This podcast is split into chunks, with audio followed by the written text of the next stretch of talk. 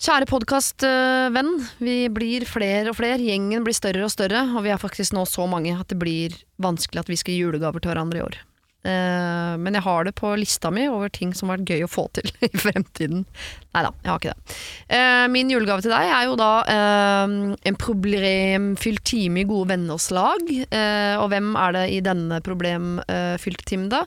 Eh, det er Sigurd Soljen og Henriette Brusgaard.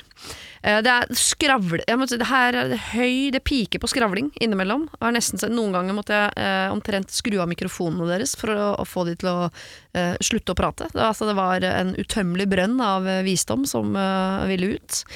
Eh, Kos deg med det. Vær så god. Helgens gode hjelpere Sigurd Sollien og Henriette Brusgaard er på plass, og jeg pleier å åpne med det klassiske høflige spørsmålet. Hvordan går det, hva gjør dere for tiden? Vær så god, Henriette Brusgaard. Tusen takk, Sigurd Sollien. Bare hyggelig, Du, det går fint med meg. Eh, nå for tiden så jobber jeg i God morgen Norge. Å ja? Eh, ja, ja. Det har jeg liksom ikke kringkasta ennå, fordi jeg har vært der siden oktober. Eh, jeg er reporter og mm, lager saker og jobber med redaksjonelt arbeid der. Ja, har du noe sånn journalistikk i bånn, egentlig? Bånd, hva mener du da? Ja, altså, har du eh, studert journalistikk på noe Nei, jeg har ikke studert det, men jeg har jo jobbet mye med ren journalistikk før jeg begynte med sånn ren underholdnings-TV, hvis du skjønner hva jeg mener. At Ja, ja. jeg jobba i TV 2 før med absolutt underholdning, og Ikke sant? var det Oslo TV, altså veldig mye sånn aktualitets-TV. Ja. Så um, det er mange av de samme folka som jeg jobbet med da jeg var i TV 2 forrige gang, som er i God morgen nå. Så det er veldig hyggelig. Det føles litt som å komme hjem, på en måte. Ja, er ikke de en veldig koselig gjeng? Veldig koselig. Og jeg tenker det er sånn kvalitetstegn når folk har vært et sted i så mange år. Ja. Da er det sånn koselig sted hvor folk ikke slutter. Ja, ja, ja. Ja. Det tror jeg er riktig. ja. Og så klarer de jo ikke å ha så god stemning på TV hvis ikke de også er en sånn Nei. gjeng som har det hyggelig. Det er akkurat det de er, og det er veldig sånn, det er utrolig, men det er jo et maskineri. Det er jo Ja. tre timer livesending hver dag som man skal fylle opp. Ja. Så man blir ganske sånn wow, her er det bare å skru på. som er veldig bra, da. De er proffe og veldig, veldig sånn hyggelig gjeng, ja. Akkurat sånn som man ser på TV. Ja. Jo, men det er helt sant. Ja, ja. God stemning, godt drevet. Og så kan du intervjue alt fra liksom, politikere til hunder, har jeg skjønt. Altså, Ja, det er det er veldig det. åpent. Det er akkurat det, og det passer meg helt utmerket, for man kjeder seg liksom ikke. Det er sånn, ok, i dag er det Nikolai Astrup, men i morgen så er det den derre hunden vi fant på Instagram, vet du. Ja, ja. Den derre Pontus. Nei, ikke snakk, jeg hadde et kjempevrient hundeintervju i forrige uke på P4. Ja, du Nei. hadde det? Ja, det var sånn det ekte? gledespatrulje. Nei, det er bare tull. Eh, Men eh, jeg tenker på P4, for du skulle sikkert spørre meg hva jeg holder på mest med om dagen. Ja, ja, ja. Og da er det P4. Ja. Um, og eh, i og med at du driver med ur, nei, ren journalistikk, så kan jeg ta ordspill med uren journalistikk. Ja. Uten at jeg aner hva det er. Nei. Men det er jo mest Det er intervjuer, det også. Ja, det høres Eh, gøyere ut på mange måter. ja, det høres mer sånn uh, lysskyaktig journalistikk ut. Ja, men Er det det du driver med nå? Nei, jeg gjør ikke det. Eller jo, jo det jeg gjør det. Uh, men jeg gjør mye gledespatruljer. Så jeg reiser rundt og intervjuer folk som har hund, f.eks. Ja. Som vinner da et, uh, et kjøkken, eller en hund, f.eks. Og det er så gøy å komme hjem til folk og bare være julenisse. Og det tenker jeg etter, det har jeg egentlig gjort siden eh, flere år tilbake. Ja, For dette har jo også vært et TV-program. Har det ikke Eh, det? Nei, det har det egentlig ikke. Reiste ikke du rundt og hadde gameshow hjemme hos Jo, folk, og det så det jeg vant har. de, så la de Ja. en TV i potten og fikk en sofa tilbake? Ja, det var, og det sånn? var oppgrader. Ja. Ja, så det er jo egentlig, om det ikke er samme konsept, så er det i hvert fall mye av det samme jeg gjør. Ja. Så det er jo, så det er jo ingen eh, Så jeg slipper liksom at folk, som jeg vet, da, blir veldig sure og forbanna på meg. Fordi jeg gjør et eller annet kontroversielt. Ja. Det er lenge siden jeg har gjort. Er det tilfeldig at du har ramla innom veldig mange konsepter, både radio og TV, hvor du skal glede folk, eller Nei. er du en sånn fyr? Jeg er nok en sånn fyr. Ja. Jeg er det, altså. Så på privat nå, så er det Nei, du har, ikke Det er pakkekalender hjemme hos deg. Så jeg Hva? Pakkekalender til både eh, kone og unger hjemme hos deg. Ja, kone ordner mye, kal- mange kalendere. Eh, så jeg er eh, Men jeg tar det kanskje litt ut hjemme. For jeg tenkte av og til, eh, eller jeg tenkte her forleden, tenk om han kunne vært så eh, bra som han var på jobb hjemme Ja. periode. Tenk det. Ja, det tror jeg fysioterapeuter også tenker. Og det er jo en del sånne yrkesgrupper som tenker sånn Å, det er digg å være sammen. Uh, idrettsmassør Ja. masserer ikke hjemme. Psykolog kan bare fikse huet ditt på privaten. Ja. Snakker ikke om følelser. Nei, men mer sånn i forhold til punktligheten og i forhold til liksom det der å levere, hele tiden være på. ja. uh, Og være mer sånn sånn hjemme. ja. Ja, Nå skal vi gjøre vært- lekser, nå tar vi en Ja. time. Kom igjen nå. Litt sånn Kjør på, nå skal uavhengig av hjelpe yrke, til. men altså, Kamera går, det er reklame om tre, to Ja. altså, Da må vi være ferdige, liksom. Nå må vi være effektive, Markus, Vi har tre minutter på oss fra nå. Jeg vil ha Ich bin man du bist, fått og så Tenk så mye man hadde fått gjort. Ja, vet du hva, det skal jeg prøve å begynne med. Ja, det høres litt slitsomt ut Ja, jeg tror jeg driter i det. Ja, jeg tror jeg ville ha savna han forrige pappaen min. Han som lot ting bare flyte litt. Tenker du på meg? Ja, da tenker det er helt riktig. Sånn du var før. Hvordan visste du at jeg lot ting flyte? Nei, det er noe med når man drømmer seg til et sted der ting er mer punktlig, så sier den om hvor man er fra før. På mange måter. Ok. Dere Fra nå så skal det handle om andre menneskers problemer, og det er jo da deres oppgave å hjelpe til så godt dere kan, basert på um, mavefølelse, uh, hjerte, også kunnskap hvis dere har, uh, erfaringer osv. Bare bruk det dere uh, ramler over eh, nå i løpet av de neste åtte problemene som vi skal gjennom. Kjære Siri og de gode hjelperne. Jeg og kjæresten min har vært sammen i åtte år, og i begynnelsen feiret vi jul hver for oss. Så ble det noen juler sammen fordi vi bodde i utlandet. Men så i fjor, da, tilbake, da har de flyttet hjem, i fjor feiret vi første jul sammen hos mine foreldre. I år er det da min tur til å feire jul hos hennes familie, men jeg vil jo aller helst reise hjem. Jeg mener vi kan feire julaften hver for oss. Vi skal jo uansett være sammen resten av romjula og nyttårsaften med venner på en hytte. Hennes familie er stor, masse barn, mine, dine, onkler, tanter, mens min familie, det er bare gamlemor og tannløse far og en ganske introvert bror. Det blir jo nitrist for dem uten meg. Jeg har selvfølgelig tatt opp dette, men min partner nekter. Blir lei seg og sur og sier at hun ikke vil feire jul uten meg. Men hva kan jeg si for å overtale henne? Eh, Kronargumentet, hva er spikeren i kista her? Alt godt, Grinchen.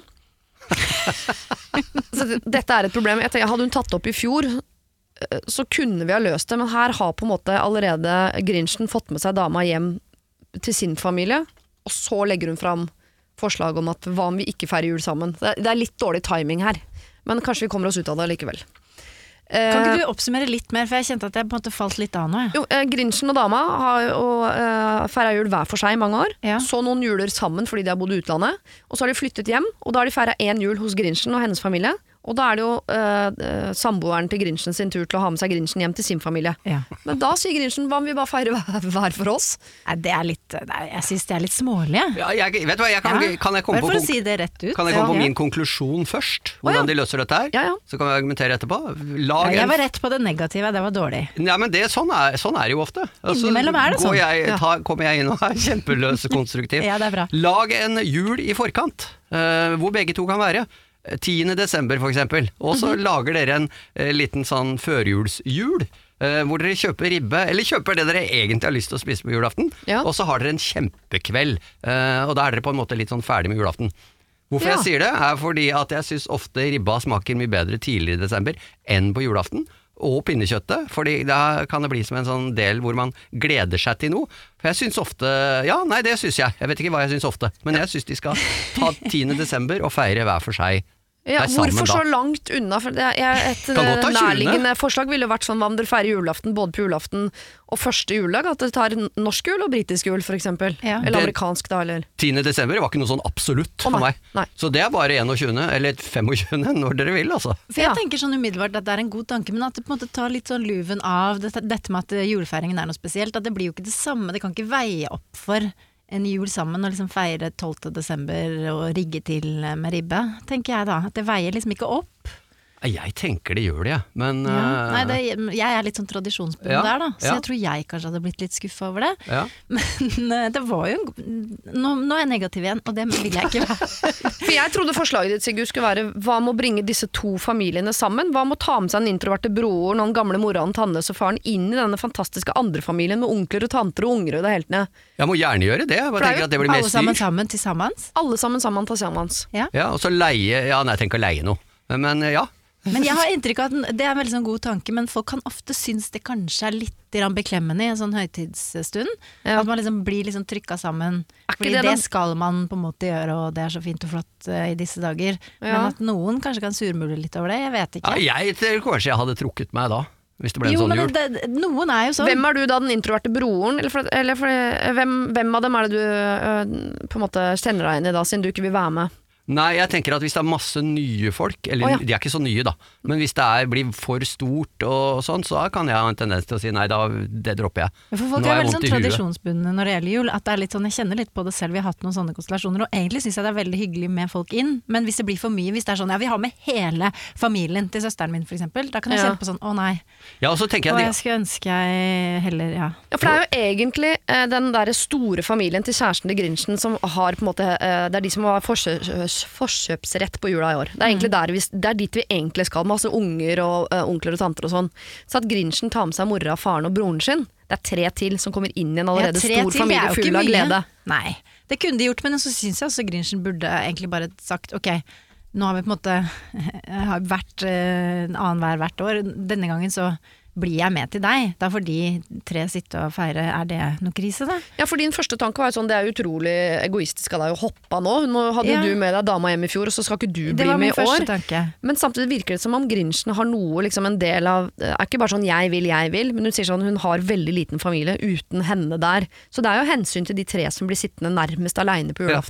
Uten dattera si, liksom. Og så er de bare tre, ikke sant. Det minnet du meg på nå. Så da er jo ikke den der invasjonen den blir jo ikke, Det blir ikke sånn det kommer ti pers. Det kommer tre stykker. Så Ja. da tenker jeg, burde de ikke prøve det, da? Burde de ikke prøve å feire sammen? Jeg prøvde å Ja, ja. tenke på en gang eh, hvor jeg hadde da nettopp mora mi dau, og så har vi gravlagt henne, det var på høsten. Så var det jul, og da hadde jeg nettopp eh, fått meg en ny kjæreste. Og hun skulle feire med noen venner. eh, så jeg feira hjemme aleine i Sømveien uh, julaften, og det husker jeg syns var jævla deilig.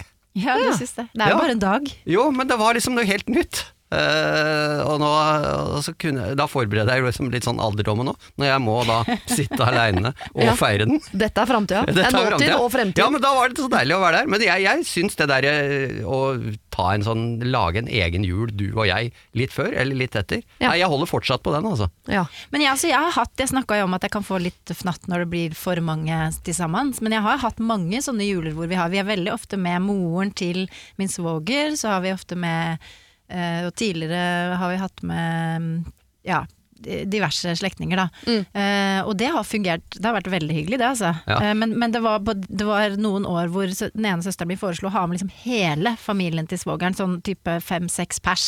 Og det ble mye. Eh, Jeg syns det ble litt mye, da, men, men samtidig, jeg skal ikke sitte på min høye hest og si sånn det, Ja. det, altså, det er veldig hyggelig, men jeg tenker tre personer, det kan bli, fort bli veldig hyggelig, da. Ja. Ja, så tenker jeg også Noen ganger så er det sånn jo flere jo bedre, for da blir det bare en masse. Så da, kan, da er det plass til at tre-fire stykker bare forsvinner inn i mengden unna, og ikke gjør noen ting ut av seg. Så jeg synes også eh, det Her er det to veldig gode muligheter. Det Ja. er, eh, det er din tur til å dra til de i jula. Og hvis dere vil feire hver for dere, så kan dere begynne med det fra neste år. Men du skylder henne en jul. Mm. Eh, så eh, hvis du allikevel vil være sammen med din familie, så må du enten ta med deg din familie, eller så må du feire alternativ jul med din familie, enten da før julaften eller etter julaften. Så her har du enten du har to muligheter. En kjempestor jul, eller to eh, vanlig stor jul. Ja, og hvis du syns det er så ille den dagen du skal på det selskapet, så ta noe beroligende, eller et eller annet, og så får du det unnagjort, for det er en kveld det dreier seg om, altså. Det er En ikke halv valium og et lite glass rødt. Ja, det er ikke verre enn det. Jeg har vært i et forhold i 13 år, gift de siste åtte. Min mann og jeg kommuniserer ikke i det hele tatt. Mye av det er min feil, siden jeg rett og slett bare har slutta å involvere han i mitt liv. Jeg er lei av hele tiden å få beskjed om at jeg er en dårlig mor og en egoistisk person. Jeg føler selv at jeg gjør så godt jeg kan, men jeg er jo ikke perfekt. De siste fire åra har jeg hatt et forhold til en annen mann. Vi er begge bundet på hver vår kant, men følelsene mellom oss er helt og holdent ekte. Når jeg er sammen med han, er jeg meg selv, fullt og helt. Jeg føler meg verdsatt og elsket. Hva skal jeg gjøre? Hilsen frustrert og skilt. Nei, ikke frustrert og skilt. frustrert og sliten. Sorry, Freud en liten slip der. Ja. Uh, her eh, er veldig kort og konkret mail. Hun er gift, drittlei han. Hatt et forhold med en annen i fire år. Ja, Ja. De elsker hverandre. Hva skal hun gjøre? Det er mange veier å gå herfra, men ja. jeg tror hun tenker på hva skal hun gjøre med denne Eller skal hun bli Hvem skal hun være sammen med? Frustrert og snart skilt, tenker Så- jeg. Ganske snart. Ja. Må du se og Ja, skildre, det altså. må jeg, må, jeg, må jeg nesten si. Det er Ja. jo to valg. Nå må du slutte å tulle. Det er to valg. Det Ja. ene er å gjøre det slutt med denne elskeren og bli i ekteskapet. Ja. Eller så er det å skille seg og bli sammen med elskeren. Eller Ja. det kan hun jo finne ut av hva hun vil med, Det- da. ja, Men det skille blir- seg i hvert fall, da. Det der blir slitsomt i lengden, tenker jeg altså. Ja, Ja, for Hadde jeg bare ikke- lest første del av mailen, som er sånn 'jeg føler meg eh, ikke elsket', 'jeg er lei av å bli eh, få beskjed om at jeg er dårlig mor og egoistisk person', og så hadde det kommet 'hva bør jeg gjøre?' Før dette mailet, ja. jeg tenkt sånn 'kanskje dere ikke skal være gift lenger', ville jeg tenkt. Ja. Allerede der. Men samtidig, hun sier 'vi kommuniserer ikke lenger', mye av det er min skyld, for jeg involverer han ikke i livet mitt. Det betyr jo ikke at det ikke potensielt er noe kjærlighet der, det er jo bare at de har, de har slutta å kommunisere. Ja, Ja. Men de har jo tydeligvis, hun har jo på en måte gitt opp. Hun har jo bare gått og innledet et forhold til noen andre, og har gjort det i fire år. lenge, ass. Da har hun jo, det er veldig lenge. Ja. Dessverre så får jeg Nå skal ikke jeg være negativ, da, men Nei, men jeg jeg har tenker at tendens til å være det. Men eh, jeg tenker at det er litt mye å skulle håndtere og skulle finne sammen igjen. Ja, Men hun må jo finne ut av For det første må hun finne ut av Vil Altså, Er det noe å hente i det ekteskapet hun er i? For da må hun i så fall på en måte gjøre det slutt med elskeren og på en måte gå i terapi og finne ut om dette går an å Ja. løse. Ja. Eller så må hun være ærlig, skille seg og så gå, bli sammen med elskeren. Ja, for det går jo an å liksom, ok, skal vi ta litt parterapi og bruke noe tid på det, eh, og se om de kan begynne å snakke sammen igjen? Eller øh, å bare liksom bestemme seg for at øh, nå er vi ferdig. Takk eller, for nå, liksom. Ja, Mm, eller så kan jeg liksom tenke, at, tenke ok, jeg prøver fire år til med dette dobbeltlivet, og så ser jeg om, jeg blir like, om det blir like kjedelig som det ekteskapet jeg har. Uh, og så kan jeg ta avgjørelsen da, selv om jeg tror den kanskje er litt søkt, Uh, og eh, at det er kanskje greit å bare bestemme seg nå, og ikke vente. Men det, sånn hemmelig forhold med litt sånn ligging på si i det skjulte sånn, blir jo ikke kjedelig på samme måte som uh, han du deler rekkehus og, og lefse med, liksom. Nei. Altså, det går- altså, det blir jo jeg aldri like kjedelig. Man skal jo ikke på en måte være liksom fasit uh, Altså Man har jo ikke noe fasit, så hvem vet om men Kanskje hvis hun er åpen om det til mannen, kanskje han tenker sånn ja, men det er greit, og så får de det til å fungere på en eller annen måte. Men det, det er veldig ofte så Jeg har jo ikke noe altså, Statistikken Jeg tror taler ikke for at kanskje det- ikke at de fleste liker jo ikke det, vil jeg tro. Nei. Jo, men altså, man vet jo aldri. Nei, de fleste aldri. liker- ikke det. Har du det? Jøss! Yes, sier sier Jeg òg, så Nå- gøy! Nå ble jeg faktisk litt sånn.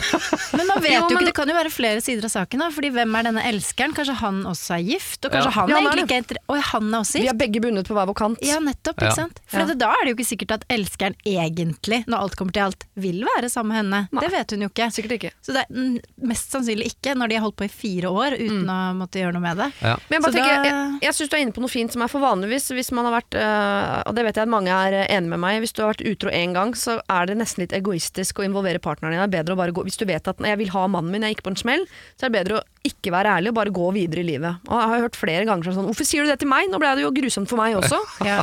Eh, men når du har hatt et forhold i fire år, så tenker jeg at ved å si det til eh, ektemannen din, så setter du i hvert fall i gang noe. Ja. Og ut av det kommer det et resultat som ikke du har helt kontroll over, men det er i hvert fall et resultat som er et resultat av at dere har måttet liksom begynne å kommunisere igjen. Enten om sånn Det var jo grusomt, men det er, det er, jo, er jo egentlig oss. Skal vi finne ut av det? Eller sånn å herregud, da Ja. må du flytte ut, og da må du flytte ut, og da må du ta tak i det. Ja, du jeg men- tenker at det, setter, det er en katalysator som setter i gang noe som gjør at du ikke bare fortsetter i fire år til, helt sånn nummen hjemme og litt Ja. sånn ligging på det er litt sånn det Ja, høres det er ut som. bra. At de har bare gitt opp og resignert litt og er på et spor som er helt feil. Og det, vil, det kommer ikke til å skje noe verken ene eller andre retningen hvis de bare fortsetter sånn. Mm. Så det er helt sikkert. Ja. Så om det er å fortelle mannen det, det kan jo kanskje være løsningen. Ja, og så sier vet du hva, uh, nå har jeg en god og en dårlig nyhet til deg. Mm. Uh, den dårlige nyheten, eller den gode nyheten, mm -hmm. uh, alt ettersom hvordan man skal gjøre det, er liksom at dette skulle jeg ha sagt for fire år siden, men jeg sier det nå, det er den gode. Ja. Den dårlige nyheten er at jeg har vært sammen med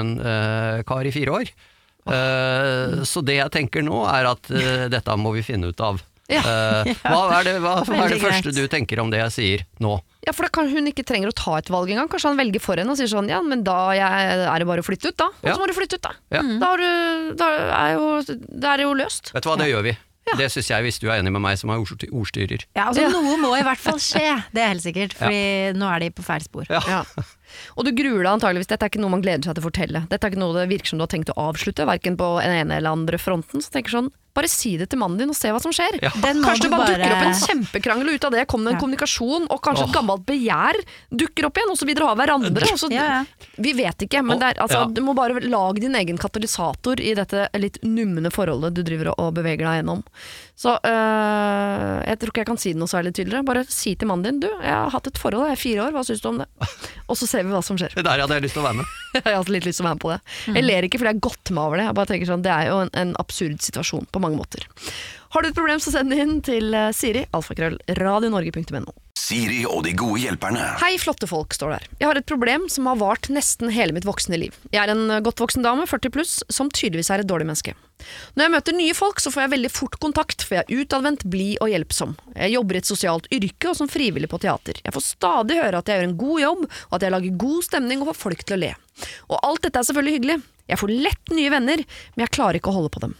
Alt er bra og gøy, jeg lytter og er forståelsesfull, jeg er raus, jeg stiller opp når det ringer og klager over ditt og datt. Men de spør aldri om hvordan jeg har det. Så går det en stund, og sviss, svosj, så er de borte. Det er alltid jeg som tar initiativ til å møtes, og det begynner jeg å bli lei av. Hvis ikke jeg opprettholder kontakten, så hører jeg ikke noe mer fra dem. Jeg spør om det er noe galt, men får til svar nei da, tiden rekker ikke til, videre, bla, bla, bla. Men hvis jeg inviterer ut på et show, en revy, teaterkonsert, ja, så sier de ja takk. Men de inviterer aldri. Så da er det vel kanskje noe gærent med meg, da. Jeg blir såra gang på gang, og nå er jeg altså så lei meg. Jeg vil jo bare ha en venn over tid. Jeg føler meg så ensom, og jeg aner ikke hva jeg skal gjøre. Har dere noen tips om hva jeg kan gjøre for å beholde en venninne? Kall meg Vicky. Det kan jo være flere mulige grunner til dette, tenker jeg. Ja. Den ene grunnen kan jo være at hun eh, rett og slett er for på i vennskapene. At hun har liksom for store forventninger og, og blir for sånn selvopptatt. Da, I form av at hun liksom hele tiden inviterer. Og dermed så blir det altså folk, folk vil jo ikke folk, folk orker jo ikke venner som er på en måte for masete og forventer noe. Eh, så kanskje hun liksom bare må slappe av litt, Ja. Ja, rett og slett. Jeg skjønner veldig godt hva du mener. Jeg tenker eh, tilbake på min egen ungdomstid, som liksom ikke var noe Det var ikke mye damer rundt meg da. Eh, I motsetning til nå! Nei. Oi, oi, oi! Nei, nei, det var- Hørtes ut som skulle dit. ja, det, nei, jeg skal ikke dit, altså. Nei, nei. Men uh, da husker jeg ble så såra, uh, fordi jeg eh, ja, vitsa og holdt på, og så gikk jeg i den vennefella, da, Mm. eh, hvor jeg ble sittende igjen. Eh, eller jeg gikk, da, for jeg skjønte at det var ikke noe å sitte og vente på. Nei. Eh, og i ettertid har jeg tenkt, hvorfor spurte ikke jeg Rune Borge, eh, som var veldig sjarmerende, eh, fikk alle damene, Mm. om hva eh, skal jeg gjøre annerledes? Ja. Eh, Så det tenker jeg med min sønn nå som vokser opp. At Ja.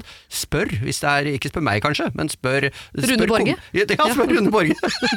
nå er jeg 53 år.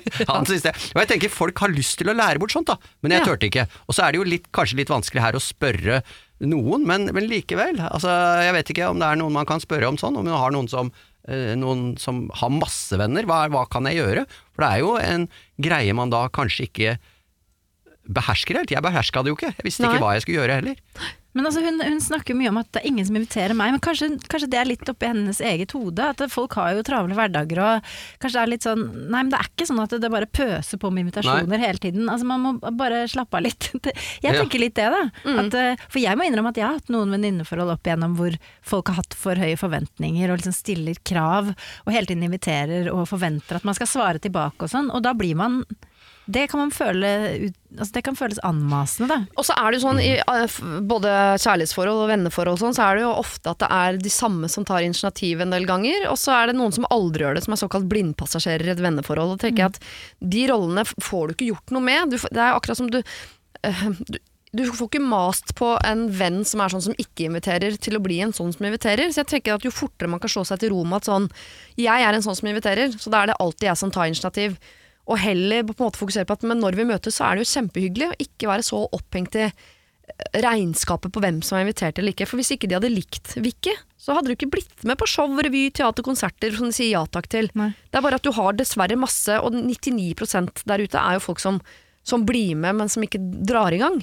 Ja. Men kanskje de faller fra nettopp når Vicky begynner å liksom pese og begynner å forvente og begynner å si 'hvorfor inviterer ikke dere tilbake' og stiller spørsmål og kanskje maser litt fordi hun da blir usikker på eh, 'hvorfor vil de ikke være med på show neste gang'? Ja, men nå, vi, altså, det virker som hun kanskje er veldig usikker. Ja, så maser hun jo kanskje på det om å være noen de ikke er. Hvorfor er ikke Ja, du en sånn som inviterer? Tenker sånn, Nei, men jeg er ikke det. Slutt å Men, men jeg, ja, jeg, jeg blir jo veldig glad hvis noen spør meg Du, skal vi dra ut og spille shuffleboard, eller noe sånt som jeg vanligvis ikke gjør, da. Ja. Hvor jeg kan lære noe nytt. Kanskje, kanskje du skulle oppsøke arenaer som hun syns er gøy. Ja. Som de som er med henne da også Å du, det var gøy! Da vil jeg faktisk heller gjøre det enn å sitte hjemme uh, hos mannen min, eller uh, dama mi, eller uh, Ja, ja. Altså, For jeg syns i hvert fall det er veldig gøy, å bli litt sånn For vi går jo det samme og tråkker hele, ofte hele tiden, da. ja. Um, ja, Men er høres det som, bare- det høres ut som noe Vicky gjør, og så tror jeg også dessverre at jeg Nå legger jeg masse egne erfaringer inn i dette, men jeg, jeg bare ser for meg at du, Vicky, er sånn som Ja, du kommer fort i kontakt med folk.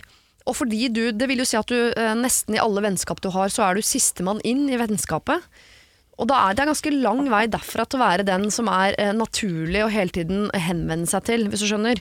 Det vil jo si at man, hvis man bare skal se nærmest sånn matematisk på det, så ligger du kanskje alltid på en sånn sjuendeplass på vennelista til de andre. Og da er det nok du som må invitere, og de som blir med. For hvis de skal invitere i sin hver, eh, travle hverdag, så har de kanskje to-tre bestevenninner som kommer foran deg i køen. Som de må invitere. Og da tenker jeg at du må jobbe deg sakte, men sikkert inn i deres Altså, du må jobbe deg oppover på lista, liksom, og den jobben er det jo du som gjør. Og da må du ikke gi opp Nei. og bli nyforelska i en ny venn som vil være med på show. Du, du, må ha, du må holde ut, liksom, der du er. Priva på privatlivet så kan jeg ha en tendens til å bli sittende hjemme. Eh, Ja. Fordi jeg syns det er veldig bekvemt, og jeg treffer mye folk i jobben. Eh, og så kommer jeg Jeg hjem. Helt og blir sittende der. jeg. Men nå har jeg funnet ut, nå, nå har jeg fått en ny interesse, og det er poker.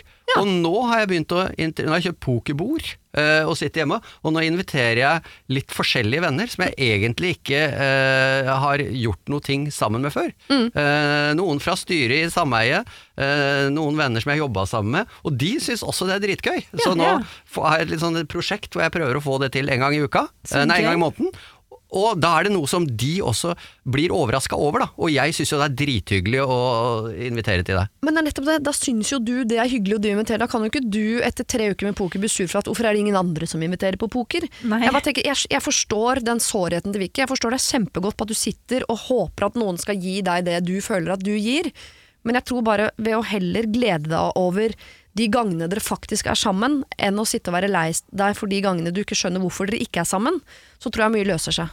Ta tida til hjelp, være ydmyk, vente, fortsette å invitere, og ikke tenke så mye på det, hierarkiet i et vennskap, liksom. Det tror jeg man, det, da blir man bare lei seg. Det tror jeg gjelder eh, Det er jeg veldig enig med deg i. Og Ja. jeg tror det er vanskelig å tenke sånn noen ganger, men jeg tror det gjelder veldig mye her i livet. Bare liksom Man må bare slappe av litt. Forsøk, slappe av litt. Mm. forsøk å ikke ta ting personlig. Ikke ta det personlig. De liker deg jo, de vil jo være sammen med deg, de har lyst til å være med deg på ting. Men de syns også det er deilig at de har møtt en sånn som driver og tar initiativ til ting. Så da har de festa seg på hofta di som små blodigler, og der kommer de til å være. Så du må på en måte bare vel, ønske de velkommen, som de blodiglene de er, eller blindpassasjerer, da, som jeg vanligvis kaller det. Siri og de gode hjelperne. Send oss en e-post på siri at radionorge.no. Kjære Siri og de gode hjelperne. Jeg er en 25 år gammel kvinne, kall meg gjerne Kirsten. Jeg har fast jobb, leilighet og en helt nydelig samboer, han er 30. Vi har bodd sammen i fem år og har vel startet det typiske voksenlivet, og stortrives og planlegger ofte langt frem i tid og tenker at det er oss for bestandig. Så kommer problemet i anførselstegn. Han har siden vi møttes vært helt klar på at han ikke ønsker å gifte seg. Han synes det er bortkasta penger. Han ser ikke poenget med å få det offisielt når vi uansett lever sammen og har valgt hverandre. Jeg ser derimot eh, ekteskap som noe fint, der man tydelig velger hverandre foran venner og familie. I tillegg ser jeg de helt praktiske byråkratiske fordelene med tanke på fremtidige barn, skattefordeler osv., som er gode tilleggsargumenter. Jeg har rett og slett lyst til å gifte meg, og ikke minst, jeg ønsker å bli fridd til. Han er veldig klar over at jeg en dag har lyst til å gifte meg, uten at det ser ut til at han bryr seg spesielt om det. Skal jeg godta at jeg aldri blir gift? Skal jeg pushe han inn i et ekteskap? Skal jeg fri? På forhånd takk. Hilsen Kirsten Gifteklar. Her skisserer hun jo noen ø, valg, ø, tre egentlig. Hun kan fri. Pushe han til å fri, det blir jo utrolig romantisk, da. Eh, eller bare godta at hun aldri blir gift. Er dere gift for henne? Jeg kan begynne med det. Henriette, er du gift? Jeg er ikke gift, uh, nei. Nei. Og jeg har egentlig alltid drømt om å bli fridd til, har aldri blitt eh, fridd til. Eh. Så um, jeg tenker jo at en eller annen gang i løpet av livet så håper jeg det skjer. Men så merker jeg det liksom svinner litt hen ettersom på en måte tiden går og man tenker sånn ja, er det så veldig farlig? Altså disse drømmene man en gang hadde bare forvitrer, liksom. Ja. Så det Er det hørtes veldig som depressivt forvitrer, ut. eller er det kjærligheten som går inn i en sånn nummen fase, eller er det bare det at man Det skjønner så at det kan jo være er en god viktig? blanding, det. Ja. Ja. Ja, jeg tenker jeg, jeg, Du er gift, er du Ja, jeg er gift. Ja. Og um, jeg ble gift uh, fordi uh, kona mi sa at mm, Nå hun snakker svensk, da. Nå får, får vi faen i meg gifte oss, annars skiter vi det her. Hun snakker alltid svensk, eller bare når hun kjefter? Nei, egentlig, hun er oppvokst i Sverige, da. Ja, okay. Født i Etiopia. Ja, ja. Men hun er veldig tydelig når hun vil at noe skal bli gjort. Og jeg er en fyr som lar det svinne, ikke svinne hendene, men er, utsetter ting, da. Jeg er veldig flink til å prokastinere, tror jeg det heter. Eh, Altså, det er ikke det at du var tydelig på at du ikke ville gifte deg, Nei, men men jeg, jeg tenkte det blir veldig dyrt. Ja. eh, tenkte jeg. Ble det det da? Ja, det ble dyrt, men eh, så eh, Om jeg syns det var verdt pengene Jeg syns det ble et veldig bra bryllup, for jeg tenkte dette skal jeg liksom arrangere og få til veldig fint. Så Ja. jeg er veldig fornøyd. Så dagen etter så vi vandret rundt på, Dovrefjell og tenkte nå skal jeg jammen bli eventarrangør. Men det ble ikke det, altså. ikke det. Nei, jeg Så det var passer på ikke til det. Dovrefjell dere giftet dere? Ja, det var det. Og hvor mange gjester hadde dere? Det var vel en 60 stykker. Ja, så det var sånn klassisk bryllup med bordsetting og taler og Og så hadde vi da vorspiel dagen ett før, Ja. fredag, og det ble veldig gøy. Uh, og da ble jeg fyllesyk på lørdag morgen, Mm. og da ville jeg egentlig at hele den bryllupsdagen skulle gå så fort som mulig, så jeg kunne gå og legge meg. Eh, og den tok jo lang tid, for hvis du ønsker at noe skal gå veldig fort, så gjør det jo ikke det. Nei. Eh, men eh, jeg, jeg, jeg vet Dette ikke. høres ut som bryllupet til min eks, som jeg var i. Det er en lang historie, men som også var uh, Og det sånn. skal jeg gjerne hørt litt mer Ja, om. fest på fredag, bryllup på lørdag. Det var mye kleine folk, inkludert brunnen. Men min praktiske tilnærming til det var at eh, det var enkelt sånn eh, papirer og sånn. Ja. Det var det som dro meg inn i det, i tillegg til at jeg tenkte at jeg mister henne hvis Da går hun, hvis jeg ikke får ut fingeren nå. Ja, det er det hun bør gjøre, hun bør stille ultimatum. Ja, på en sånn grei måte, uten at han blir redd. For jeg tenkte at hun vil jeg være sammen med. Ja. Hun skal jeg dele resten av livet mitt sammen med. Ja. Og da får jeg heller bare hoste opp de pengene, og så tar vi og gifter oss. Og det var en kjempefin fest. Så du har ikke angra på det etterpå, men samtidig så var jo ikke du sånn som uh, kjæresten til Kirsten Gifteklare her, en som i utgangspunktet har sagt sånn 'jeg har ikke lyst til å gifte meg'. Det, det, vi har jo med en mann å gjøre her som ikke ønsker å gifte seg, og så har vi en kvinne som ønsker å gifte seg. Hvem skal på en måte bøye av for den andre? Hvem sitt ønske er viktigst? Hans eller hennes? Problemet med ultimatum i det tilfellet er jo at hun kan risikere at han sier ok, ja, men da da blir det ikke oss, da, for jeg har jo sagt at jeg ikke vil gifte meg. Det kan hun kanskje muligens risikere, men man skulle jo ikke tro det, ettersom de på en måte har etablert seg Ja. uh, så godt som de har. Da. Nei. Men uh, jeg vet ikke hvem skal bøye seg etter. Jeg, jeg syns det er vanskelig, den vanskelige en vanskelig problemstilling. Jeg syns kanskje han burde føye seg, for det er jo mye praktiske fordeler med å være gift. Da. Ja, Så kan du få en ja. morsom fest. Ja, det er fint. Det fint. er bare positive Ja, vet du hva? Det, det veier opp. Ja. Ja, og hvis jeg skulle gjort det en gang til, eh, da ville jeg gjort det litt annerledes. For da ville jeg dratt til Mallorca for eksempel. Eh, og så ville jeg fått gjestene til å betale reisen sjøl, og spandert to middager, en på fredag og en på lørdag. Ja. Og da hadde du kommet unna det ganske økonomisk eh, bra, eh, samtidig som det hadde vært et påskudd for de du vil ha, til å komme i bryllupet. Til å Ja, du får de du vil ha, da. Ja, for du sjalta jo sånn del Ja, ræl. Ja, du får måte. det. Og så tror jeg det er viktig liksom å Med bryllup og sånn, så er det jo veldig mange som man tenker må være med å bestemme. Skal vi ha, de, eller skal vi ha den onkelen, skal vi ha den tanta, skal vi ha Som man egentlig ikke har lyst til å ha, da. Ja. Og hvis man da reiser til Mallorca, eller enda lenger hvis man har eh, lyst til å ha med enda færre Dere så- kunne jo dratt til Etiopia. Ja, det kunne vi gjort. Mm, eller Sverige. Sverige. Ja. Eller Sverige. Eller Sverige. Ja, vi undersøkte i Sverige, men, Men jeg eh, tenker at flere ville falt fra hvis dere dro til Etiopia. Hvis, Ja. hvis målet var å skrelle av litt uh, Absolutt, kjempelurt. altså. Dit skal jeg dra. Men uh, jeg bare eh, Hun ønsker jo eh, å gifte seg, men vil at han Jeg bare tenker å få en mann som i utgangspunktet ikke ønsker å gifte seg, til å skulle fri, det høres ut som en umulig oppgave.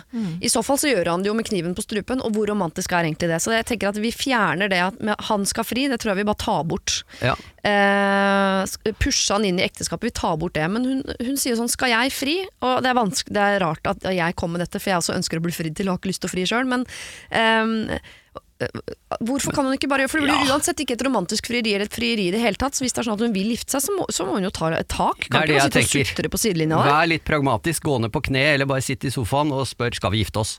Ja. Det er ikke verre. Vi er jo ofte veldig redd for å snakke sammen. Du sier jeg har drømt om et, eh, et bryllup eh, å bli fridd til. Men hadde du hatt dritlyst til det, så hadde du spurt. Men la meg bare si det sånn, at vi har vært sammen i snart seks og et halvt år, og jeg har droppa den ganske mange ganger. Ja. Så et litt, ja, bare sånn, nå begynner jeg å bli litt, du hører jo på stemmen. Ja, ja, vi er, helt- sitter i nøyaktig samme båt. Vi har jo menn som vet at de er sammen med en kvinne som Ja. ønsker å gifte seg, Ja, men de har så langt ikke fridd. Da tenker jeg sånn, da må vi gi opp den planen. Da må vi eh, Ja. ikke sitte foran i båten og sutre liksom, på det. Da må vi enten gjøre noe, eller så må vi godta det. På en eller annen måte. Og jeg, men jeg syns det er dumt også å overtale mannen inn i et ekteskap ved å legge sånne praktiske sånn Det er bra skattemessig, det er ikke derfor, Nei, det er ikke det er ikke derfor vi vil gifte oss, Derfor er vi vil ha på hvit kjole og få masse oppmerksomhet i 24 timer. Det er det Ja, det er en veldig god Ja. fest. Men jeg tenker helt seriøst at det er en Ja. veldig god fest. Du får tatt bilder av venner og familie. Det er litt sånn minne for livet for alle, da. Ja. Det er et argument hvis hun skulle på en måte prøvd å få han til å skjønne at da, altså, hele slekta får jo et minne for livet. Det er bilder, det er for eventuelle Ja, barn har de noe ja. å se på. Liksom tilknytningspunkt, holdt jeg på å si. Litt sånn. Og så kan Ja. hun leie den kjolen, for det er jo, det er jo inn nå, eh, Ja, ja, ja. med gjenbruk og sånn. Så da sparer hun noe penger der, uten at det med penger skal uh, spille så stor rolle her, da. Men, ja, men man eh, kan gjøre det rimelig. Ja, det kan ikke sant? gjøre, altså. Det er klart man kan det. Svigermor kan bake rullekake, liksom. Man Ja. må ikke ha en sånn vond pascalkake. Folk kan ta med vin. Ja, sånne type ting. Ja, det går jo an, Snu det. Ja. snu det til noe positivt, Ja. istedenfor å lage sånn dilemma. Jeg hørte dette er noe helt annet, men Jan Bøhler sa forleden her, han har jo kommet med en ny sang. Ja. ja. Enda en sang? Ja, enda en sang. Og så snakka han om jula, om at ja, men tenk på det, hva hadde vinteren vært uten jula? Uten alle lys, uten Ja. det uh, god mat. Og det har fått meg til å snu, for jeg har egentlig ikke vært så tilhenger av jula, før Jan Bøhler sa akkurat det der. Ta det med til bryllupsgreiene også. Ja. La det litt gøy. Det kan være fint. Ja. Jeg sier ja, jeg gifter deg, men eh, gjør det relativt rimelig, da. Jeg skrella de forventningene om det der klassiske bryllupet og frieriet, Ja. og så vri det til noe positivt. Vri det til noe positivt, eh, Kirsten. Du må antageligvis kanskje ned på kne. Eh, legg det fram som noe som blir gøy, noe som blir bra, noe som ikke trenger å bli dyrt. Og så legg bort de der eh, skattefordelene og sånn. Det er så uromantisk. Bare gå for at du har lyst til å ha en god fest, der dere på en måte får fortalt omverdenen at det er dere to som vil ha hverandre. Jeg er helt sikker på at han svarer ja hvis du frir. Siri og de gode hjelperne. Radio Norge. Jeg har truffet en fyr jeg liker godt. Vi har det gøy sammen, tilbringer så mye tid sammen som mulig, og vi har snakket om å presentere hverandre for hverandres familier i jula. I min familie er det ribbe som er mest hellig, altså er mer hellig enn Jesus. Denne fyren derimot eh, er, derimot, er eh, vegetarianer. Eh, Min far hater veggiser, som han sier. Og han kan være veldig direkte. Så jeg lurer på, skal jeg forberede noen av dem på noe av dette, eller skal jeg bare la det stå til? Kall meg Camilla. Altså Skal hun forberede far på at uh, typen min er vegetarianer? Skal hun forberede typen på at min far hater vegetarianere, eller skal hun la de finne ut av det på egen hånd? Jeg tror jeg ville forberedt. Det, Ja, vil der er du meg. Ja. Ja, men, for du liker sikkert å forberede deg. Jeg er ikke så glad i sånt. Uh, så jeg tror jeg ville bare ja, holdt kjeft om det, altså. Ja. Um, og så ville jeg tatt og bakt en hel sellerirot, for det er jo så inn nå å lage sånn veggismeny. Ja, Hva var det Oslo kommune hadde på julebordet sitt som Det var hovedrett? bakt jo sellerirot. bakt selleri. Og så hadde Ja. De da juletallerken, og de hadde kveite. Kveite, ja. Så du kan ta de tre tinga, da, hvis du skal ha litt fisk òg. Så Ja. går dette dritfint. Men du mener at hun skal lage det og ta det med seg? Ja, det kan hun gjøre. Ja. Uh, Svigerinnen min uh, kommer hjem til oss eh, på julaften, hun har med seg ribbe. Jeg Ja. prøvde å lage ribbe for ti år siden, mislykkes. Og nå kommer de, eh, de har med seg ribbe og en flaske vin, og så tar vi resten. Ja, ikke si noe om det, men bare ta saken litt i egne Ja, hender. ja, ja, liksom, se hva som skjer. Kom med egen mat, og så ikke lag noe større nummer ut av det. Nei, det syns jeg ikke. Altså, skal ha med eh, hjem til ribbefar, ha med en sånn eh, bakt eh, Ja. Ja, og så lager du det. liksom. Ja, men nei, hva skjer da når far, ribbefar, begynner å oppdage at oi, nå sitter nye svigersønn der og liksom knasker på noe medbrakt? Så, Ja, så begynner han å det- stille spørsmål, og så oppstår det en veldig rar situasjon. Hadde Ja, men- ikke da vært bedre på forhånd å, å gi beskjed om Jo, men da kan du bare svare hvis han stiller spørsmål. Dette er jo kjempeenkelt. Smak på dette, svigerfar. Ja, Kjenn på dette sammen med ribbe. Er det ikke kjipt under julemiddagen at det oppstår en sånn Jeg begynner å tenke på det nå, at det oppstår en sånn veldig klein situasjon. Ja, for jeg, tenker, jeg tror ikke vi skal prøve å lage en situasjon her hvor eh, de kommer seg gjennom en hel middag uten at eh, typen eh, merker at fa, uh, svigerfar ikke liker vegetarianere, eller at svigerfar merker at svigersønn ikke spiser kjøtt. Det, det ja, tror jeg ikke. Vet du hva? Nei. Så Ja. de kommer til å finne ut av det, enten før denne middagen, eller i løpet av denne middagen. Mm. Hva er best? Vet du hva? Ja, sorry. Men da tenker jeg det, eh, hvis jeg får lov å si det igjen, at Ja. da tenker jeg at det er best er at de finner deg. Ja. ut av det før. Jeg har endret mening, jeg. Ja, si fra. Nå kommer vi med en diger sellerirot, eh, og hvem som helst kan smake, smake på den, for den er svær, altså. Så bare sånn at du veit det, far. Ja, men tenk så hissig han ribbefar blir da. Jo, men da blir han ikke hissig under middagen, da. For jeg, han, å, han høres ut som en sånn fyr som liksom blir ordentlig indignert. Da tenker jeg da er det mer ting å være indignert for enn det der. Da må svigerfar jobbe, altså. Ja, selv. men han er jo en type som helt sikkert ikke jobber med seg selv. Fordi hvis han hater vegetarianer, så er han en type som ikke Da tar han ikke ting innover seg, tenker jeg. Han er ikke typen. Du Jeg tipper han hater flere ting. Ja. Det er det. sånn Akkurat, type. ja. det kan være. Ja. Ja. men, ja, alternativet er du kan ha med deg den der kålrota og spise den i smug, da. At du sitter på do og spiser biter. Jo, men jeg, jeg tror altså, de, eh, Hvis de, eh, de skal bli en stor felles happy familie en gang, så er svigersønn og svigerfar på et eller annet tidspunkt Så får de, finner de ut av hverandres uh, eh, greier. Tenk han åpna og glemte å låse døra. Sitter du her?! Sitter du og spiser kålrot?! Jeg gjør det, skjønner du. Jeg, jeg klarer ikke å bestemme meg på uh, Fordi hvis du sier fra til, svig- eh, til pappa da 'Pappa, nå tar jeg med meg Knut hjem i jula. Han spiser bare kålrot.' Nå er vi veldig altså, uh, Ja, nå beveger vi oss fra bås til bås her. Uh, da får jo svigerfar muligheten til å på en måte bygge opp litt sånn irritasjon, og på forhånd, før han hele hadde møtt Knut, syns at Knut er en litt irriterende type. Hvis det dukker opp i middagen at Knut må selv si 'jeg er vegetarianer', så far er vel høflig nok til at han ikke klikker Ja, midt i middagen, ja. At han går opp, reiser seg. Men har han spist tidligere der? Eller er første jula? Nei, de har aldri møtt hverandre før. Nei, vet du hva? Ja, fordi Da- da, ja. Hvor viktig er førsteinntrykket? Ikke sant? Det kan man tenke litt på. Fordi at hvis, hvis han har et godt førsteinntrykk av Sigurd, og så må, som du sier, Sigurd, var det Sigurd han het, forklare under middagen hva, hva som er Det tilfellet. er bare han Sigurd, fall- ja, det er bare Sigurd som heter Sigurd. Der er Sigurd. Ja. Men han hadde ikke noe navn. Nei, hun eh, heter kjæresten. Camilla, og kjæresten har jeg bare kalt Knut. Men det er bare jeg som gjør. Ja. Knut.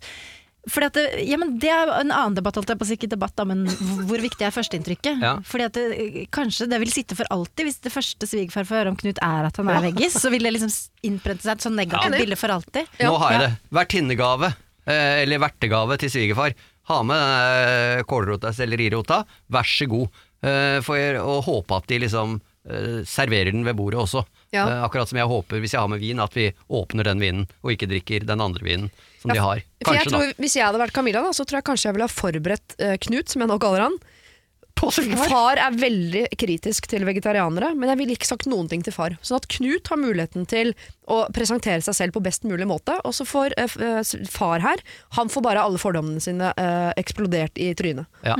Ja, men da kan ja. Knut forberede hva han skal si, rett og Ja, slett. si og gjøre, og hva han skal ha Holde på seg. en alt. god Ja, tale. ja, Ja. For han skal vel presentere seg selv ved å kli- klirre i glasset og sånn. Det er vel en sånn familie hvor han på en måte Nå får du fem minutter til å eh, presentere Kan deg selv. høres litt sånn Vær så på en måte. Ja, med powerpoint. Uh, ta Ja. med powerpoint. Ja. Ja. Men Faren min er sånn på en, til, på en søndagsmiddag, så kan han klirre i glasset og reise seg og liksom Er det sant? Helt ja, sant. så kult. Så koselig. Ja, han er ikke noen person som hater ting, altså, i det Nei, hele tatt. Han er veldig åpen. Han vil bare Eh, dele. Ja, han vil bare dele, og liksom, han syns det er så hyggelig å ha liksom formaliteter rundt ting. Da. Ja. Liker å ha bordkort og holde tale og sånn. Jeg tror det vi sier til Camilla er eh, Camilla, tenk litt på hvor viktig førsteinntrykket er. Så du må ikke uh, gjøre sånn at faren din, uh, før han hele tatt har møtt din utkårede, er skeptisk. Ikke sant? Vi må eh, sørge for at far her liker eh, Knut mest mulig. Så dere må ha med noe mat. Eh, Det tror jeg absolutt dere må, så ikke det er sånn at eh, mor må løpe ut på kjøkkenet og piske sammen noe gammel kålstuing, liksom. Sånn eh, ad hoc. Du må ha med mat, og så må uh, typen din være forberedt på hvordan han skal bringe nyheten til sin ekstremt nye svigerfar om at uh, hei, jeg heter Knut, og jeg er vegetarianer. Siri og de gode hjelperne. Jeg er en gutt, skråstrek mann på 42, som er samboer med min kjæreste på 13 år. Vi har to barn som begynner å vokse seg til. Vi har med andre ord vært gjennom en del ulike faser opp igjennom. Tider med mye tid, og tider med lite tid. Eh, I løpet av disse åra så tror jeg min kjære har hatt et sted mellom 10 og 20 forsøk på at nå, nå skal hun begynne å trene. Så gjør hun det en stund, og så faller hun av. Det er samme med slanking. Jeg vet ikke hvorfor hun stresser sånn med disse tingene, for hun er kjempefin sånn som hun er, men det er for selvfølelsen, som hun sier. Så til problemet. Hun forventer støtte. Ja, egentlig heiarop og uendelig med engasjement fra min side hver eneste gang. Jeg er ikke så god på det. Men ærlig talt så er det jo ikke så viktig for meg dette her heller, og dessuten så har jeg jo etter hvert mista litt trua. Hva syns dere jeg skal gjøre? Skjønner dere uh, jeg, Sorry, det er kanskje fordi jeg kjenner meg igjen i hun dama, jeg bare ser henne så tydelig for meg sånn hele tiden presenterer nye prosjekter med hvordan hun skal eh, endre livet sitt, og så må mannen på en måte sitte ved siden av deg og har ikke noe behov for at du endrer livet ditt, så må du må sitte og klappe liksom Og, takta. og jeg har ikke noe tro på at det hjelper heller. Og så forventer hun at han hvorfor liksom skal komme med, med kloke ord og heiarop og i det hele tatt. Men Masse han er litt sånn, støtte. ja, Ja. Er litt sånn Dette har du snakka om, dette snakker du om om og om igjen, og det skjer jo ingenting. Ja. Ja. Men skal han, eh, kan det at han ikke heier Er det derfor hun ikke får det til, tror dere? Eller? Dette handler vel først og fremst om dama, tenker Ja. jeg. At hun er litt beslutningsvegring og ja. ikke helt uh, får endret sånne mønstre. Det tror jeg mange kan kjenne seg igjen i, Og- eh, inkludert meg selv. Og så kan, kan det jo være uh, greit kanskje å bringe inn en tredjepart. Altså hva med å investere i et par timer hos en psykolog, da? Å, jeg trodde du skulle si PT, men vi er på psykolog. ja. si. Ja. Ja, nei, men det, Jeg har mer tro på en psykolog her, bare for at hun skal slippe å bruke så mye energi på noe hun kanskje ikke får til, da. Ja, for dette kan jo handle om helt andre ting, egentlig. Ja, En sånn derre uforløst eh, et eller annet, en eller annen knapp som må trykkes på, et eller annet som egentlig burde ha blitt åpnet. Altså, det mener jeg Grunnen til at hun ikke klarer å gjennomføre en eh, slankekur eller en treningsøkt, det handler om et eller annet Fikk for lite brystmelk i Nei, men altså, jeg vet ikke, men jeg har jo holdt på sånn sjøl. Hver gang jeg går inn i et prøverom, så tenker jeg Sigurd, dette går ikke an. Og så dagen etter så tenker jeg det går kjempefint an. Eh, Det er bare å ta på seg litt sånn større T-skjorte eller eh, sånn. Ja. Og jeg har det egentlig bra som jeg har det. Og jeg har ikke ork og initiativ til å spise sellerirot og trene så mange ganger som er nødvendig. Nei, Det høres jo litt sånn ut med denne kvinnen, da. At hun har det jo egentlig ganske ålreit. Kjæresten syns hun er fin og sånn. Ja. Så problemet er jo ikke stort nok. Det er jo sånn, Hun tar det opp og det hadde vært fint og gøy, men, men hun har det ganske bra, egentlig. Altså, egentlig, er fin, altså, egentlig er dette en fin ting, men det hadde vært deilig hvis hun hadde klart å fokusere på at ting var bra, og ikke hele tiden problematiserte uh, det at, altså, hun burde trene og burde liksom eh, slanke seg, alle de tingene der. Men er det ikke nettopp det han da skal Han skal ikke heie i de fasene hvor hun trener, han skal jo bare heie enda mer i de fasene hvor hun ikke gjør det, for at hun skal føle seg trygg på at hun er fin nok som hun er. Overbevise henne om at uh, han syns hun er fin nok, det er jo en god idé. Men, men som regel så må jo vedkommende begynne med seg selv, da. Så kanskje rett og slett psykolog og PT er en god idé? Ja, ja, en som har begge utdannelsene, ja. Nei, ja, det er perfekt. Ja. kombo. Ofte er Jo, PT kan- litt psykolog, faktisk. Ja, ja, ja. Men det finnes jo psykologer som har PT-utdannelse også, sånn at de har papirene i orden, tenker jeg. Ja, så kan hun snakke mens hun trener. Og da, istedenfor å chit-chatte sånn uinteressant eh, med PT-en når du holder på, så kan du faktisk, faktisk snakke om ting som er viktige. Ja, for det, det finnes i hvert fall øh, psykologer vet jeg, som, øh, hvor man ikke er inne på et kontor, men man går tur. Så man går tur i skogen mens man prater, fordi det, hjernen jobber bedre når den er i aktivitet. Ja. Men hun burde jo komme seg mer i trening, at trening altså, Sier jeg, jeg er kjempedårlig på det, men hvis man trener så utløser jo dette endorfiner, og man får jo ofte en god Ja, ja, følelse ja. med seg selv, det vet man jo fra de fasene Ja. man gjør det. Ja. Eh, Dermed så blir man mer sånn rolig på å få den bekreftelsen hele tiden. Så hvis hun klarer å liksom få på litt sånn jevnlig trening, kanskje senke krava litt og bare holde seg i bevegelse sånn jevnt over, det er jo det beste, men det er jo en illusjon, det måte Ja. Det høres så fint ut, og så vet jeg jo at det ikke alltid er like enkelt å, Ja, men- å få til Ja, men det hadde jeg gjort. Det er lurt. Det har jeg nesten lyst til å gjøre sjøl. Jeg tenker i Og hvert fall at han ute, skal da, med en eh, psykolog. Å, du var der, ja. ja. Ja. ja. Men jeg tenker at han- jeg syns det er så fint at han sier jeg liker henne akkurat sånn som hun er. Så jeg tenker han skal, Det skal han heie på. Det man ikke bare sier Ja. til oss, det man passer på å si til henne. Og så Ja. tenker jeg at ja ok, eh, slanking, hold opp med det. Men kan ikke du istedenfor å heie når hun slanker, bli med på at dere har en sånn at, dere, eh, at du bare lager skikkelig gode, litt sunne middager? da At det er din måte å heie på? Ja. ja, Begynn med én ting, ikke sant. Ja. Begynn med det. Ja. Begynn med dropp risen, dropp karbohydratene til middag, liksom. Men fordi, Ja. altså, når han sender inn dette litt. som et Ja. ja. Ja. Når han sender inn dette som et problem, så må han jo synes det er litt irriterende og slitsomt med dama som, som er så For han høres Jeg syns det er litt sånn forvirrende, fordi på en måte er han sånn Ja, men jeg heier jo, jeg Ja. hun er fin som hun er, men hva er problemet da? Ja, men Han heier jo på at hun er fin sånn som hun er, men han heier jo ikke på alle disse nye prosjektene Nei, hele tiden som hun forventer. Helt sånn. Jeg kan kjenne meg igjen i sånn Jeg har en mor som ikke nødvendigvis gjør dette, men som har slutta å røyke 300-400 ganger opp gjennom min oppvekst, og forventer sånn heia fra meg hver gang. Og jeg husker det var noen år der hvor hun sa sånn 'Nå har jeg ikke røyka på en måned!' Og så sa jeg, når jeg var 13, øh, sa jeg sånn 'Jeg har ikke røyka på 13 år, jeg'. Og da ble jeg, altså jeg var obsternasig og grusom eh, tenåring, men det var litt sånn Jeg kan ikke heie hver gang du slutter å røyke, for jeg har mista trua på at du får det til. Så da eh, Ja. Så jeg, jeg, jeg har slutta å heie, jeg gidder ikke mer. Men jeg kan nok antageligvis da ha gjort eh, det vanskeligere for henne å holde ut, for da blir hun sånn lei seg. Ja. Trenger røyken som trøst. Ja. Så jeg vet ikke Så, så enten kan hun da eh, være fornøyd, bestemme seg for det, Ja. eller bestemme seg for å ha et ordentlig seriøst prosjekt. Et år hvor hun liksom virkelig gjør det som drar For jeg vet ikke hva slags prosjekter du har hatt før, men et skikkelig ordentlig prosjekt, da. Ja. Eh, hvor hun liksom investerer noe penger. Og da skal han heie på det? Nei, men da får hun se hvordan det går, for det er jo opp til henne sjøl. at det er jo egentlig han som, som uh, ber om råd her, ikke sant. Ja. Ja, ja. Så jeg syns det er litt vanskelig, for jeg, det er lett å gi råd til en kvinne, men hun hører jo ikke på, holdt jeg på å si, hun vet jo ikke at han har sendt inn problemet. Nei, det er sant. Ikke. Ja, det har du helt Du rett skal i. hjelpe han. Men jeg tenker det man kan dra ut av det rådet ditt der, da, Sigurd, er at eh, neste gang hun legger fram et sånt prosjekt, så bli med og gå all in. Vet du hva? Jeg blir med, det der gjør vi sammen, Smart. du og jeg. Vi skal opp på den fjelltoppen, ass. Så innmari, liksom. Og det skal vi gjøre i kveld. Ja, I kveld skal vi opp på toppen av den Ja. fjelltoppen. Så kan du investere liksom masse i det ene prosjektet, og se om Kult. det kan uh, være noe Ja, du kan har gjøre sammen. Vi har jo ikke hodelykt. Det gjør ingenting, jeg har kjøpt her, vær så god! Ja. Klokka tolv på natta, det gjør ingenting. I morgen starter vi seinere. Ja. Nå Vi skal har vi på barnevakt, ikke tenk på det. Ja. Ja. Meld deg på litt uh, mer, og så pr prøv å ikke irritere deg for mye over eh, disse tingene. Lurt. Vatt opp de der eh, fasene mellom. Hei masse på henne når hun ikke er inne i disse periodene sine. Og neste gang hun legger fram et prosjekt, så blir du med. Jeg har en ting jeg gjerne vil ha deres mening om.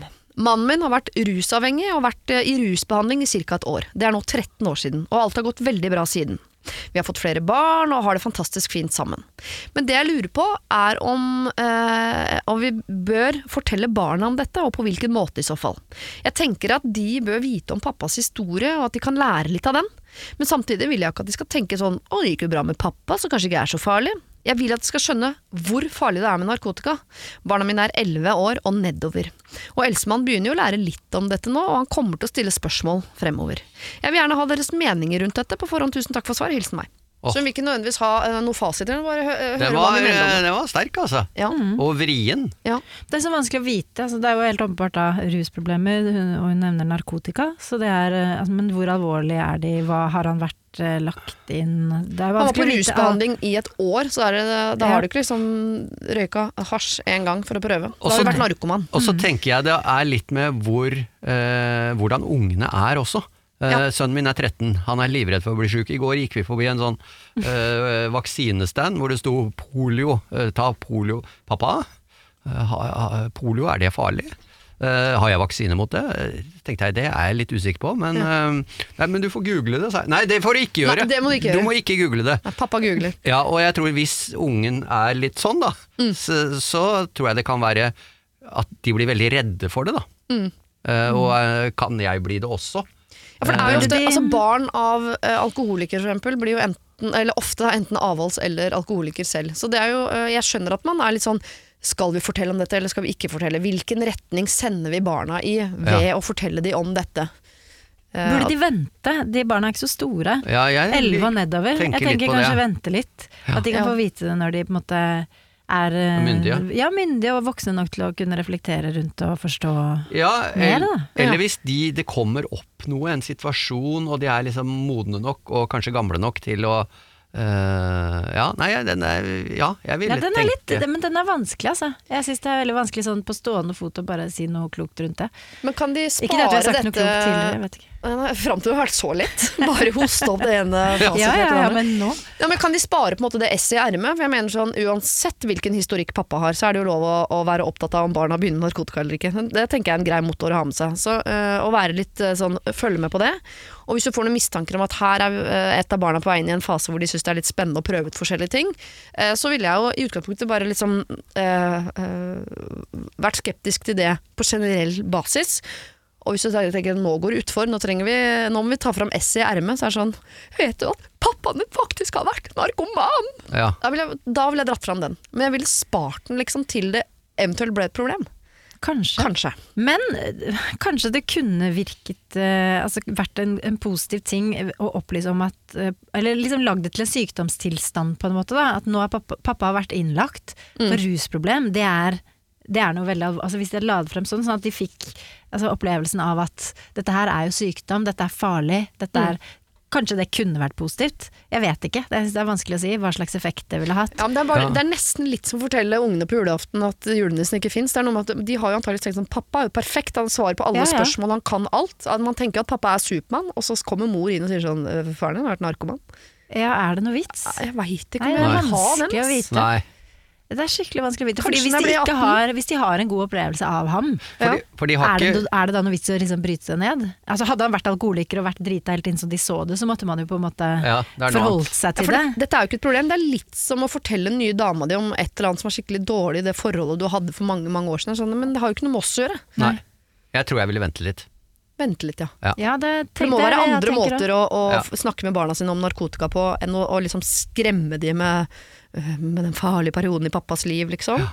Ja, det tenk, jeg, når dere sier det sånn, så syns jeg det høres veldig klokt ut, altså. Ja. Ja. Men jeg slenger, meg, jeg slenger meg litt på den, eh, vent med det. Fordi det er jo ikke noe Det er ikke et prekært problem her og nå som de må forholde seg til. Hvis de hadde måttet forholde seg til far foran deg hver dag som lå med sprøyta i armen og Nei, uff, det hørtes helt Nei, da hadde Da hadde man måttet måtte forklare noe, men, Ja. men, Men i dette en eller annen gang, så- når de er voksne, liksom. Ja, det tenker jeg. Så jeg hadde jo også tenkt litt på sånn, holder jeg barna mine for narr nå? Ved å ikke fortelle dem eh, noe om øh, far, som har vært liksom en ganske sånn stor del av livet hans. Men øh, det er i så fall far som burde fortelle, da, ikke du. Tenker jeg. Og så er det jo mye Mm. man ikke forteller barna sånn generelt. Hvis man skulle fortalt alt man hadde vært oppi. Det gjør man jo gjerne kanskje når man blir voksen, hvis man kommer i samtaler hvor man utveksler erfaring fra livet sitt osv. Og, så videre, og det Jeg- jeg- passer seg, liksom. Jeg, Men, Ja. ja, jeg tenker at det der vil komme opp en eller annen gang, og da er det naturlig å ta det. ja, det, Og det er ikke det liksom som slår meg. forsere fram det der. Ja, at det er barn på, øh, altså på oppfordring fra barna den dagen de trenger deres synspunkt, eller deres erfaring på noe. Jeg tenker at Den gangen de havner i en eller annen vanskelig situasjon, hvor man kan bruke den erfaringen til å hjelpe de, tenker nå som de er barn, å bruke den nærmest som en sånn Ja, det er for å hjelpe, men det er jo litt skremselspropaganda ja. også. Ja, du kan jo bli livredd, tenker Ja, jeg. jeg sier nei til det, altså. Men samtidig, en innfallsvinkel er jo at hvis det er sånn at f.eks. alle naboer vet om det, at det er noe de kan få spørsmål om på skolen og sånn, så er det jo noe å kanskje tenke litt på da. Ja. At man ikke skal føle at man på en måte har blitt ført bak lys. Altså, sånn, er det noe med min egen far jeg ikke har visst som alle andre har visst? Det kan være en vond følelse. Ja, Så det, det er jo kan, noe kan kanskje- ikke være noe barna uh, finner ut av den dagen de skal lage særemne om narkotika på skolen, og så googler det, så kommer bilde av pappa opp. Liksom. Mm, Ja. Det må vi Ja, unngå. hvis ikke han har Så det må hun kanskje kartlegge litt først, da. Ja. Ja, sørg for at eh, Eller hvis ingen andre vet dette, så det er sånn, hvis det er sånn at barna skal få vite det, så får de vite det av deg eller din mann, så ville vi ha venta med det. Vent til de trenger den historien eller den erfaringen. Ikke bruk den nå som en skremselspropaganda. Ikke ta fra de det fantastiske bildet de har av sin far, selv om man skal jo elske foreldrene sine også med mangelen deres, men fra 11 og nedover, nei. Men, for Men hvis det er sånn at alle naboene vet det, så ville jeg kanskje revurdert. Ja, Hvis alle naboene vet det.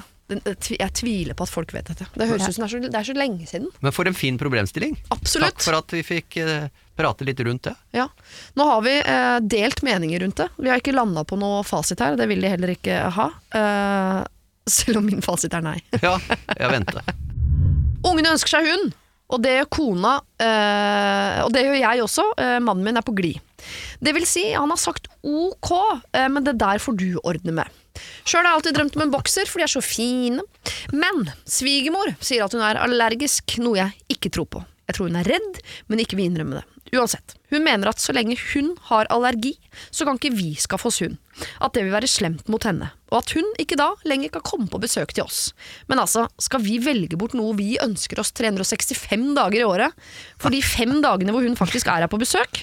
Jeg vet eh, også at hun har en god venninne som har hund, og jeg nekter å tro at hun ikke besøker henne. Hun kan jo selvfølgelig høre med eh, hva slags type hunder er Er du allergisk mot alle typer hunder, svigermor? Og prøve å få vite om dette er bare tull eller ikke. Så kan Ja. de jo skaffe seg en hund som kanskje ikke har pels, da. En mynde eller noe sånt. For ofte er det jo pelsen de er allergisk mot. Det, Ja. Eller det aner jeg ingenting om, det var bare noe jeg kom på nå. Men det, hvis det er sånn, da.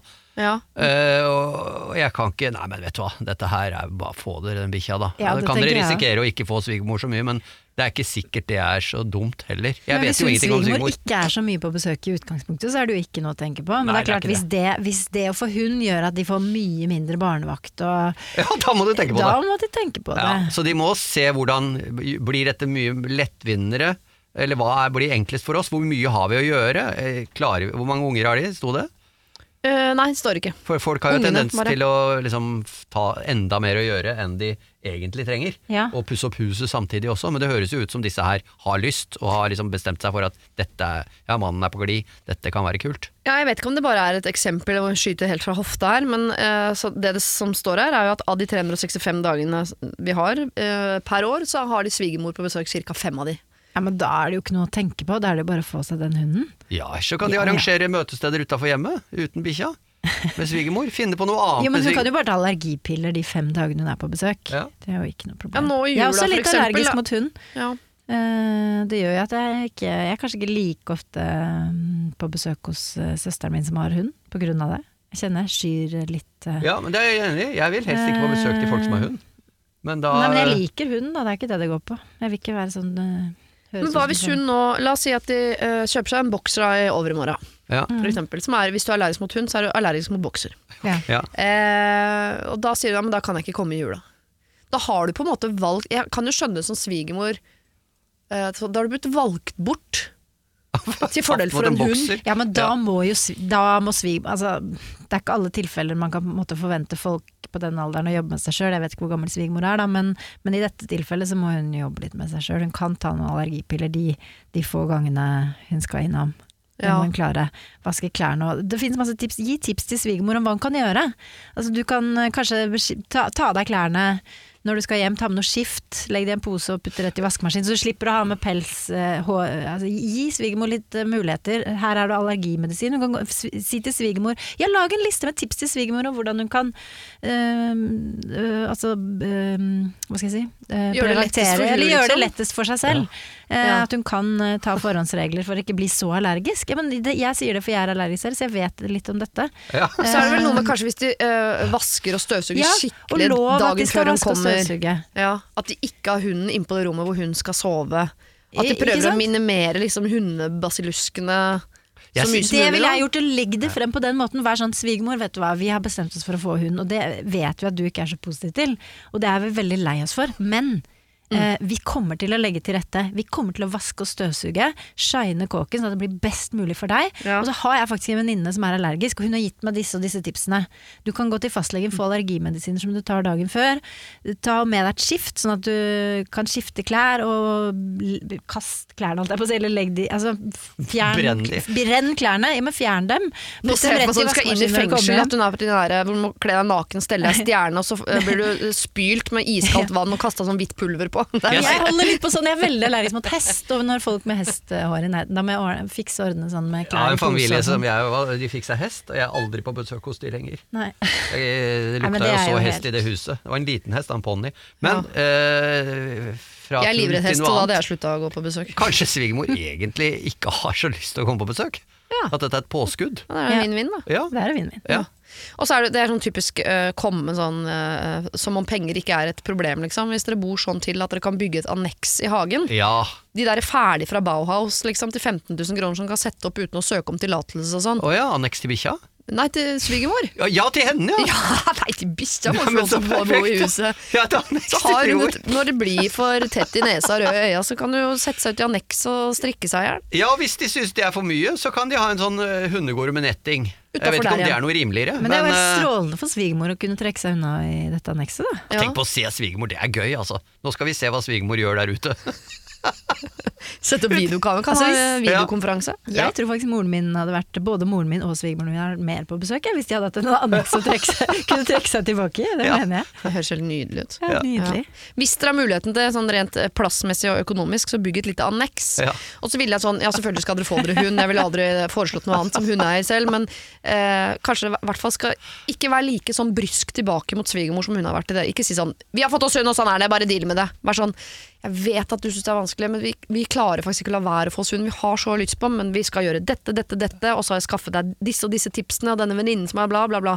Legge det fram som sånn 'vi ønsker virkelig å ha deg på besøk de fem dagene i året'. Vi må finne en løsning, men det blir bokser. Og, gjør det noe, og det gjør ikke noe om det blir fire også, svigermor. Ja, de fire dagene på besøk, nei. Og Ja. kanskje svigermor til og med kan være med å spleise på et anneks. Du Ja. har ikke lyst på et anneks i hagen som du kan disponere fritt. De tre, to dagene du er her i året. Og det som skjer da, er at svigermor kommer oftere, men da bor hun i annekset og er mer barnevakt. Perfekt. Det er jo helt genialt. Så nå skal dere få dere eh, et tettere forhold til svigermor, et anneks og en bikkje. God jul! Det er full pakke. Det er Full pakke. Dere, det var det siste problemet vi rakk i dag. Eh, tusen takk for all god hjelp. Fra uh, god mor Henriette Brusgaard og god kollega Sigurd Sollien. Jeg håper vi har vært til hjelp, da. Det er jo Ja, vanskelig å si. Vi har jo- jeg har, vi har lært av hverandre òg. ja, Ja, ja. absolutt. Jeg tror både vi har blitt blitt, klokere? eh, vi har Ja, blitt har vi. klokere. Folk har blitt klokere. Kan ikke bli bedre. Kan faktisk ikke bli bedre. Jeg håper jeg ser dere også på nyåret. Ja, det håper jeg òg. Ha det! Ha det. Siri og de gode hjelperne. Lørdag og søndag fra 09.00 på Radio Norge. Det var eh, de åtte problemene som eh, også på et eller annet eh, tidspunkt ble, blir, et radioprogram på Radio Norge. I tillegg skal du få et nå bonusproblem. For forrige runde så var Frank Kjosås her sammen med Lise Karlsnes, og Frank hadde et problem. Eller si at en venn av Frank hadde et problem, og det skal Henrette få lov til å løse. Ja, eh, av en eller annen grunn så sitter jeg sjøl med en bare kjedelige, praktiske problem. Eh, som eksempel, jeg har et, eh, et gjestetoalett som er ødelagt, og skal kjøpe meg nytt. Skal jeg kjøpe dyrt, skal jeg kjøpe billig, bla, bla, bla. Men så kom jeg på at jeg har en eh, Spør for en venn. eh, som eh, ikke trives veldig godt i, i jobben sin for øyeblikket, men tør ikke å eventuelt risikere eh, en hva skal man kalle en frilanstilværelse, eller prøve noe nytt. Oh, ja. Fordi det er trygt i den faste jobben. hva skal han gjøre? Eh, jeg har sagt ta en sjanse, løp ut og finne ut, se hva som skjer. Men da må han eventuelt si opp. Så skal man si opp en fast jobb for å se om man trives i det man tror man egentlig har lyst til å drive med? Ja. Det er det altså Sigurd Sollien og Henriette Brusgaard som skal få lov til å bade i neste uke. Så vi ser om vi finner en løsning på det. Men Eh. løs gjerne problemet med toalettet mitt òg. Ja, men det kan jeg ta. Ja, ja, flott. Det var altså spørsmålet som Frank Kjosås hadde på vegne av en venn. Eh, Sigurd Sollien måtte gå, men Henriette Brusgaard, du er her fortsatt. Eh, hva, har du noen tanker rundt hva denne vennen til Frank Kjosås Det første som slår meg, er at dette kanskje er Frank selv. Eh, fordi at jeg tror kanskje han er fast ansatt på Norske Teatret, uten at jeg vet det. Men hvis det ikke er det, så er det jo uansett et problem. Ja. Eh, enten det er Frank eller en venn. Ja. Jo ja, for problemet er jo det samme om Men tror du det er Frank? Uh, ja, Frank, jeg tror kanskje han er fast ansatt der, men at han er ute i permisjon for å skrive dette egne stykket sitt. Men at han derfor snuser litt på sånn Dette var en fin Ja. tilværelse, kanskje jeg skal fortsette med det? Hvis han er i permisjon nå for å skrive stykket, da Ja. jeg å kjenne at jeg holder en knapp på at det kanskje er han. For at han er i en sånn prosess nå. Ja. Lurer litt på Skal han fortsette i den permisjonen? Eh, Ja. ref eh, ny frilanstilværelse, eller blir, det- skal han bli i jobben sin? Ja, ja. Men det er jo mange som lurer på at man har en fast, trygg jobb, økonomien er på altså det, Pengene ruller inn, fast tid, fast sum. Men så har du lyst til å liksom bare snuse litt på friheten der ute. Jeg kjenner meg jo veldig godt igjen i dette, og jeg kan jo egentlig bare bryte ned eh, Altså komme med litt sånn realitetsorientering med en gang. For jeg har jo nemlig opplevd de siste årene å gå fra, altså ikke fast jobb, men noe mer eller mindre fast, til å måtte ut i frilanstilværelsen. Litt sånn ufrivillig, da. Selv om jeg er Altså en blanding. For jeg hadde lyst til å prøve nye ting, men når du først er der og kjenner på det, og i tillegg jeg da i mitt tilfelle hadde to små barn, Mm. hvilket jeg ikke vet om Frank eller vennen har, så kjente jeg på at øh, Frank har ikke, men kanskje vennen. Ja, det vet vi ikke. Mm. Da kjente jeg sånn eh, Det er noe med at du, du, du vet ikke hva du har før du mister det, liksom. Det, var sånn, det hadde vært veldig deilig å ha det faste nå, ja. Mm, det har jeg kjent litt på. Ja. Eh, selv om det som er fint med det, er at man får faktisk noen nye erfaringer og får utløp for det der prøve noe nytt. Hvilket ofte er bra, Ja. men så ønsker jeg meg nå tilbake til noe mer fast, da. Men Ja. i Franks eller venns tilfelle, som kanskje ikke er foreldre, så er det jo litt annerledes. Man har liksom ikke så mye å risikere og hvis, altså hvis man vil videre i karrieren, så er man jo nødt til å ta noen sånne valg noen ganger. Ja. Eh, Og noen ganger så er det kanskje litt vanskelig der og da, men så fører det med seg noe annet veldig gøy. Så det er vanskelig, vanskelig Ofte å si. må man jo gjennom liksom vanskelige prosesser for å oppleve gøyale ting på andre siden. Så jeg tenker, men da må du være villig til å risikere det. Og det er som du sier, det har litt å si om man uh, forsørger flere enn seg sjøl. Hvis dette Ja. handler om sånn og, og da blir det litt vanskelig for meg en periode. Det, det går bra. Det klarer det går bra. Ja. Hvis det er sånn, da må vi selge gård og grunn og, og eh, ta ungene ut av skolen. Det er ikke et problem i Norge, men du skjønner hva jeg mener. Ja. Eh, da er det jo kanskje ikke Da er det vel heller det å, å forsørge som er primæroppgaven en periode der. Ja, så er det jo litt det samme som i på en måte, forhold, tenker jeg. At man ofte tenker at å, er det ikke litt spennende, og å, nå er jeg litt lei. Mm. Og så er det jo ofte det faste, trygge sånn jevnt over er det beste, da. Ofte er det litt sånn. Ja, men ofte da må man ut for å erfare det. Det finner du ikke ut av så lenge er du er det. der. Du, er det må på, med du må kjenne det på kroppen, sånn er det bare. ja. Uh, og på en måte, ikke sant? jeg brukte meg selv som eksempel nå. Jeg har vært ute og prøvd litt forskjellige ting, kjent på det. Og det er jeg veldig glad for, fordi jeg tror at det kommer til å skje liksom andre nye ting og riktige vendinger i mitt liv. Mm. Men så var det litt sånn slitsomt også. Ja. Så ja, det er liksom både og. Men uh, jeg vet ikke hva jeg skal råde Frank eller venn til, jeg, for å være helt ærlig. Ok, hvis man skal ta utgangspunkt i at jeg tror de er barnløse. Ja. Uh, Jeg tror de er, jobber i kreativt yrke, for det gjør i hvert fall Frank. Men hvis det er vennen, så sikkert. Han har bare skuespillervenner, har han ikke? Du blir jo ikke uh, ikke. frilansøkonom. Nei, mest sannsynlig ikke. Nei. Og i en kreativ verden så må man kanskje nettopp ut og prøve noe nytt for å komme seg videre, hvis han er litt lei.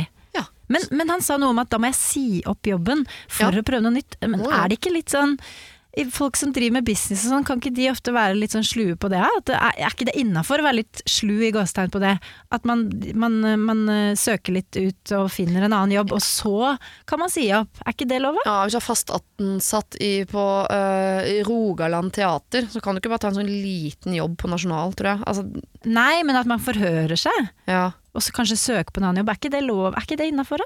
jo jeg ville fall, man, jeg, jeg ville bare hoppa i det. Det blir uh, sikkert vanskelig og tungt og uh, skummelt, og så blir det enten bra eller så ille at du må komme deg tilbake, og da får du til det.